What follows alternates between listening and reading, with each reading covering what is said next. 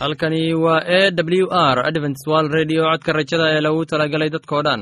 Anigoo ah cabdi waxaan idin leeyahay dhegeysi wanaagsan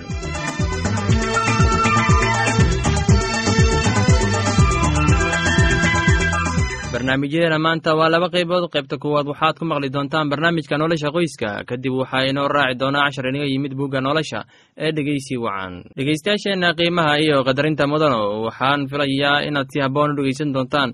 Haddaba haddii aad qabto wax su'aal ama talo iyo tusaale oo ku saabsan barnaamijyadeena maanta fadlan inala soo xiriir. Dib ayaynu kaga sheegi doonaa ciwaanka yagu balse intaynan u guuda gelin barnaamijyadeena xiisaa leh. Waxaad marka hore ku soo dhowaataan. Heestan daabacsan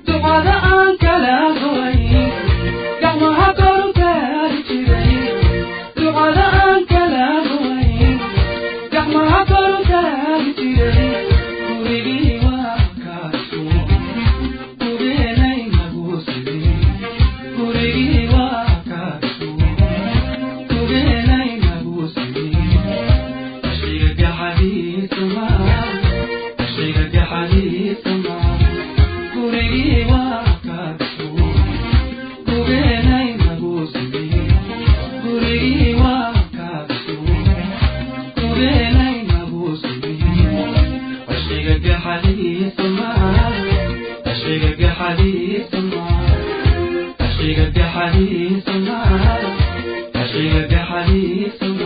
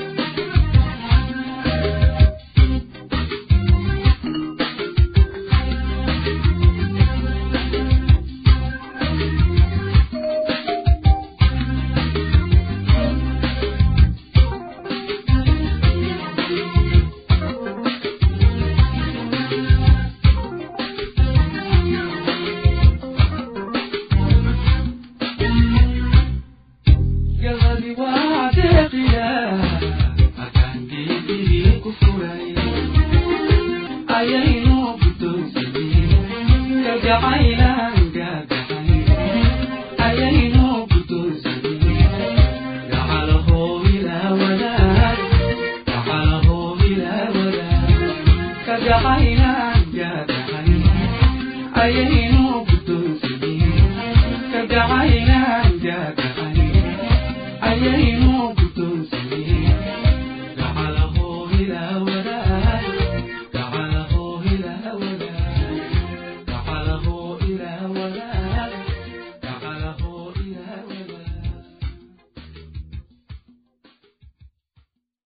filayaa in aad ka faa'iidaysateen heestaasi. Haddana waxaad ku soo dhowaataan barnaamijkeena nolosha qoyska. Barnaamijkaasi waa barnaamij ka hadla arrimaha guud ee qoyska iyo qofka bini'aadamka ee dhegeysi suuban maanta muran kama taagnaa muuqa qaadka magacyadiisa badan iyo meelaha uu hadda ka baxo waxa uu saani oga baxaa etoobiya kenya uganda tanzaniya iyo bariga sa'iir ilaa koonfur afrika wakhti aad u horeeyey ayaa loo gudbiyey yemen iyo sacuudiga. Buuraha afghanistanse waa lagu sheegay ee lama soo xaqiijin. Qarnigan labaatanaad ayuu u soo gudbay dhulka soomaalida. Yemen waxaa looga yaqaanaa qaad iyo kaat etoobiya waxaa looga yaqaanaa jaad ama qaad jimacane.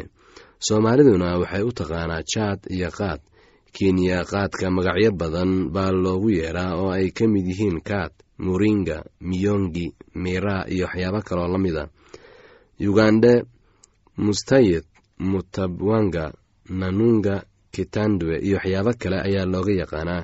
Tanzaniyan waxaa looga yaqaanaa mulingi warfa mandona iyo waxyaabo kaloo la mida malawina waxaa looga yaqaanaa mutsawiri mutsawari koonfur afrikana waxaa looga yaqaanaa bushman sti dhulka uu ka baxaa qaadka waxa uu ka sarreeyaa badda afar kun ilaa sagaal kun oo fuud. Geedka dherarkiisuna waxa uu gaaraa hal ilaa laba mitir buurta dusheeda. Salka buurta ee biyaha leh waxa uu gaaraa lix mitir. Dhulka baraha kulka iyo biyaha lehna waxa uu gaaraa ilaa shan iyo labaatan mitir jiridiisu waxa ay gaadhaa ilaa nus mitir balac ahaan. Muran adag oo soo taxnaa muddo dheer kuna saabsanaa waxa uu yahay iyo waxa uu keeno qaadku ayaa soo gebagaboobay labaatankii sano ee ugu dambeeyey. Xuska ugu da-da weyn ee qaadku leeyahay waxa uu ku siman yahay saddex boqol iyo konton sano ka hor dhalashadii nebi ciise berigaas boqorkii la oran jiray aliskandarkii weynaa oo xukumi jiray dalka masedoniya waa koonfurta yurube ayaa qaad u diray jenaraalkiisii la oran jiray haraar si uu iskaga daaweeyo cudur maskaxeedkeena walbahaar iyo walaac laguna yidhaahdo afka qalaad melankoliya kitaab magaciisa la yidhaahdo walxaha lagu welfo oo farguri ku qoran waxaa la qoray sannadkii kun iyo laba boqol iyo toddobiyo soddonkii. Waa muddo iminka laga joogo toddoba boqol iyo lixdan iyo dhowr sannadood. Waxa uu ka hadlayaa bunka iyo qaadka isaga oo qaadka ku sheegaya sidan soo socota. Waa geed ka baxa kiilwa waa kenyada berigaas oo loo adeegsado firfircoonida iyo dawada walaaca ee cudurka melakoniyada taariikhyahanka la yidhaahdo falidahi al cimriya ayaa qoray buuggiisii la oran jiray masaalikul absaar wakhti aan waxba ka fogeyn sandaqigii waa muddadii u dhexaysay sannadkii kun iyo laba boqol iyo afar sagaal iyo afartankii ilaa kun iyo saddex boqol iyo afartan iyo labadii. Ninkaas oo lagu wado kalsoon yahay si dhug leh waxa uu u qori jiray si faahfaahsan oo uu ku sifeeyey qaadka. Aan ka soo gudbiyo hadalkuu qoray waxaa ka mid ahaa qaadka waa geed xabashiyeed aan lahayn midho laakiinse la cuno caleemihiisa jilicsan ee yaryar markaas oo uu qofku ku muujiyo fahmo iyo ladnaansho. Qaybta cilmiga ee buugga waxaa aad ku arki doontaan xaaladahaas oo ismoodsiis ah kana maran siinaya cuntada cabidda iyo galmadaba. Haddaba qofka cunaa sida lahubaa waxa uu ka maarmayaa cuntada cabitaanka iyo galmadaba. Dadku wuu wada cunaa qaadka gaar ahaanna waxaa cuna kuwa ay haysato mushkilado waaweyni. Waxaa kale oo cunaa qaadka kuwa doonaya in ay soo jeedaan si ay habeenkii u guureeyaan ama kuwa doonaya in ay hore u dhammeeyaan shaqo si aysan u caajisin. Sida dadka yemeneed ay u jecel yihiin maandooriyaha qaadka waxa aan laga garan sida dadka hindidu ay u jecel yihiin maandooriyaha bataal la yidhaahdo inkasta oo haddana labada geed aanay isku ekayn mar ay culummada ay ka waraysatay qaadka ayaa lagu sheegay sheeko qosol leh oo uu mariyey mid iyaga ka mid ahaa.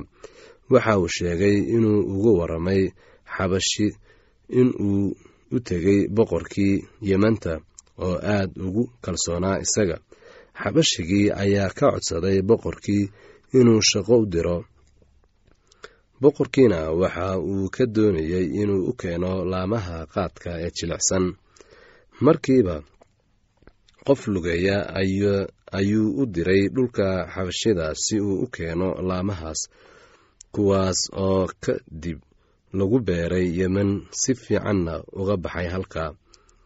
Goortii la gaaray goosashadii ayuu boqorkii ka doonay xabashigii inuu u gargaaro isna waxa uu u ballan balballaariyey waxa uu qaadka gudo ama waxa uu galo sideedaba markii uu ogaaday boqorkii in guntu tahay in qaadku yareeyo xiisaha cuntada cabitaanka iyo galmada ayuu boqorkii ku dhawaaqay oo yidhi ma raaxo kale oo aan kuwaas ahayn baa jirta adduunka.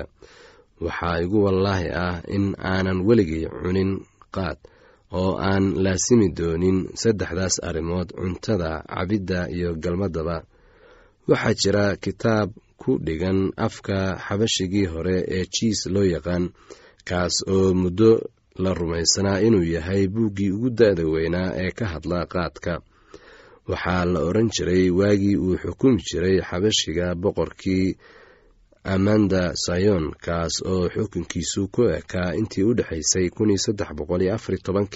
ilaa kii waxyaalaha ku soo arooray buuggaas taariikhda ah waxaa ka mid ahaa amda sayon oo ay diidmo kaga kacday magaalada ay degan yihiin dad oo la odhan jiray maraacadde amda sayon si uu arrintaasi uga hortago waxa uu reer maracadde baray beeridda iyo cunidda qaadka si uu dadkaas u naanaabiyo. Sabrudiin oo ahaa boqorkii uu xukumi jiray ifraad waa magacii qadiimka ahaa ee hadda loo yaqaano jabuuti. Ayaa jebiyey amda sayoon kana qabsaday dhul ay ku jirto maracadde. Kadibna sabrudiin waxa uu u adeegsaday hab xukunkii amda sayoon oo qaadkii waxa uu gaarsiiyey dhammaan dhulkii boqortooyadiisa si uu isna u naanaabiyo waxaan dadkiisa filayaa inaad ka faa'iidaysateen barnaamijkaasi. Haddaba haddii aad qabto wax su'aal ama tale iyo tusaale fadlan inala soo xiriir. Ciwaanka waa codka rajada sanduuqa boosada afar laba laba todoba lix nairobi kenya. Mar labaad ciwaanka waa codka rajada sanduuqa boosada afar laba laba todoba lix nairobi kenya. Imeilka waa somali at a w r o r g. Mar labaad imeilka waa somali at a w r o r g. Ama barta internetka ciwaanka yagu oo ah www codka rajada dot o r g mar labaad ciwaanka yagu waa www codka rajada dot o r g ama waxaad inagala soo xiriiri kartaan barta emesonka ciwaanka yagu oo ah codka rajada at hotmail dot com. Haddana kabogasho wacani heestani soo socota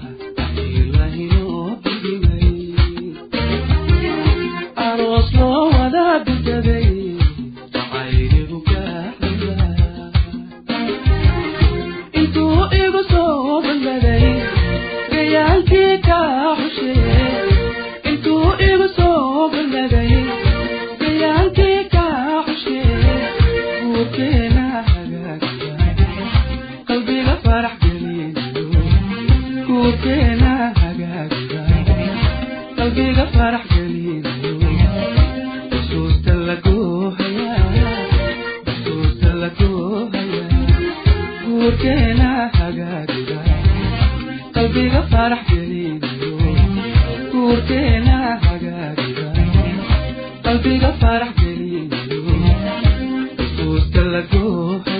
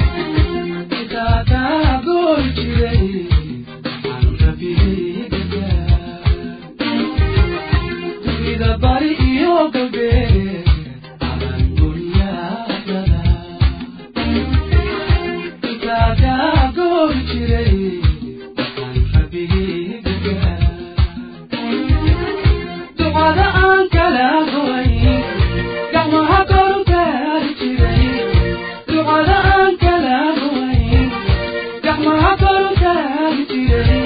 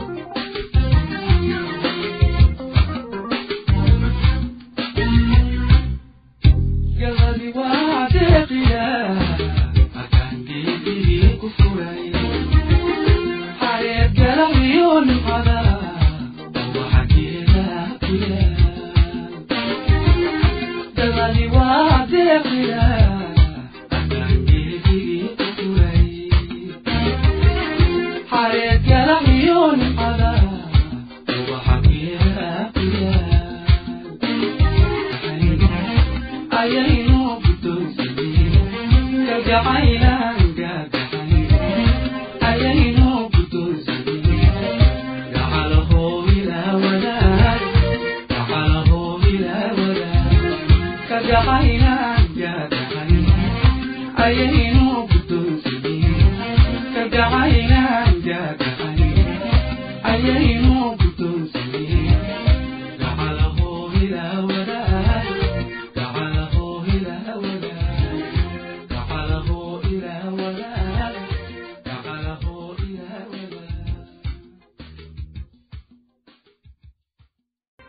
waxaan filayaa inaad ku raaxaysateen heestaasi. Haddana waxaad ku soo dhowaataan barnaamijkeenna inaga yimid bugga nolosha. Barnaamijkaasi waa barnaamij xikmad badan ee ka bogasho wacan. Isxaaqna waa la hadlay aabbihiis ibraahim oo yidhi aabbow isna wuxuu ku yidhi way kan wiilkaygiyow markaasuu ku yidhi bal eeg waan waa kuwan dabkii iyo qoryihii laakiinse meeh wankii allebariga la gubo loo bixin lahaa. Ibraahimna wuxuu yidhi ilaah qudhiisa keeni doonaa wankii allebariga la gubo loo bixin lahaa. Wiilkaygiyow saas daraaddeed labadoodii way israaceen oo waxay yimaadeen meeshii ilaah isaga u sheegay. Ibraahimna meeshaasuu ka dhisay meeshii allebariga qoryihiina wuu hagaajiyey. Markaasuu xidhay wiilkiisa isxaaq oo meeshii allebariga saaray qoryihii dushooda. Ibraahimna gacantiisu buu fidiyey oo mindidii buu u qaaday inuu wiilkiisa dilo. Markaasay malaa'igtii rabbigu samada uga yeedhay isaga oo waxay ku tidhi ibraahimow ibraahimow kolkaasuu yidhi way kan markaasay ku tidhi gacantaada ha saarin wiilka waxbana ha ku samaynin waayo hadda waan garanayaa inaad ilaah ka cabsatid maxaa yeelay igama aadan lex jeclaysan wiilkaaga kaasoo ahaa wiilkaaga keligiis ah. Markaasaa ibraahim indhihiisii kor u taagay oo wax fiiriyey oo wuxuu dabadiisa ku arkay wan geesa kayn kula jira. Markaasaa ibraahim tegey oo wankii soo kaxeeyey oo wuxuu u bixiyey allebari guban meeshii wiilkiisa. Ibraahimna meeshaas wuxuu u bixiyey yahwah yire oo micnaheedu uu yahay rabbigu waa arki doonaa. Xataa ilaa maanta waxaa la yidhaahdaa buurta rabbiga ayaa lagu arki doonaa. Kolkaasaa mar labaad malaa'igtii rabbiga ibraahim samada ugu yeedhay oo waxay ku tidhi rabbigu wuxuu yidhi waxan aad samaysay aawadood iyo wiilkaaga aadan iga lex jeclaysan kaas oo ah wiilkaaga keligiis ah aawadiis ayaan nafsadayda ku dhaartay inaan barako ku barakadayn doono oo aan farcankaaga u tarmin doono sida xidigaha cirka iyo sida camuudda taal badda xeebteeda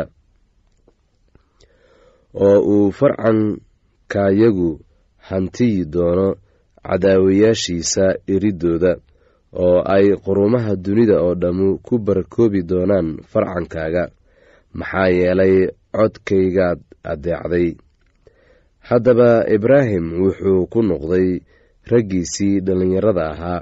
Markaasay kaceen oo waxay wada tageen bicir shebac ibraahimna wuxuu iska degay bicir shebac oo waxaa dhacday waxyaalahaas dabadood in ibraahim loo sheegay oo lagu yidhi bal eeg milkaah carruur bay u dhashay walaalkood naxoor. Waxay yihiin cuus oo ah curudkiisa iyo buus oo ah wiilkiis iyo qumeel oo ah aaraam aabbihiis iyo kesed iyo haso iyo fildash iyo yitlaaf iyo butu'eel butu'eelna wuxuu dhalay rebeqa siddeetan bay milkaah u dhashay xaboor oo ahaa ibraahim walaalkiis.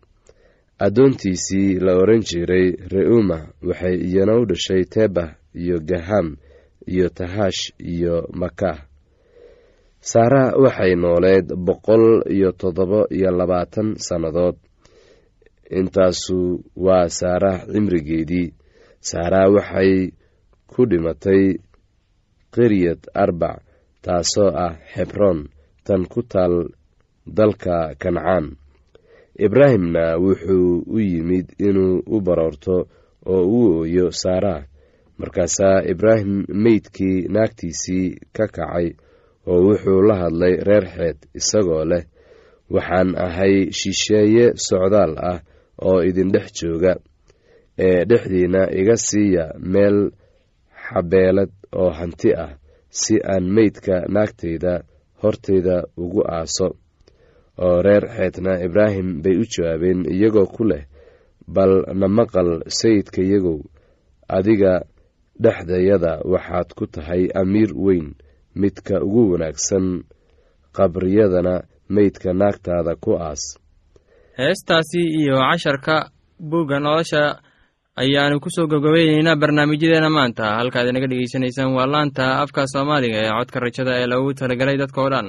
Haddaba haddii aad doonayso inaad wax ka faa'iidaysataan barnaamijyadeena sida barnaamijka caafimaadka barnaamijka nolosha qoyska iyo barnaamijka kitaabka quduuska fadlan inala soo xiriir. Ciwaanka yagu waa codka rajada sanduuqa boosada afar laba laba todoba lix nairobi kenya. Mar labaad ciwaanka yagu waa codka rajada sanduuqa boosada afar laba laba todoba lix nairobi kenya. Emeilka yagu waa somali at a w r o r g. Mar labaad imeilka yagu waa somali at a w r o r g. Ama emesonka oo ah codka rajada at hotmail dot com. Mar labaad emesonka yagu waa codka rajada at hotmail dot com. Ama barta internetka ayaad ka akhrisan kartaan barnaamijyadeena iyo sida w w w dot codka rajada dot o g dhegeystayaasheena qiimaha iyo qadarinta mudan oo barnaamijyadeena maanta waa naga intaas. Tan iyo intaynu hawada dib ugu kulmayno waxaan idin leeyahay sidaas iyo ammaano allah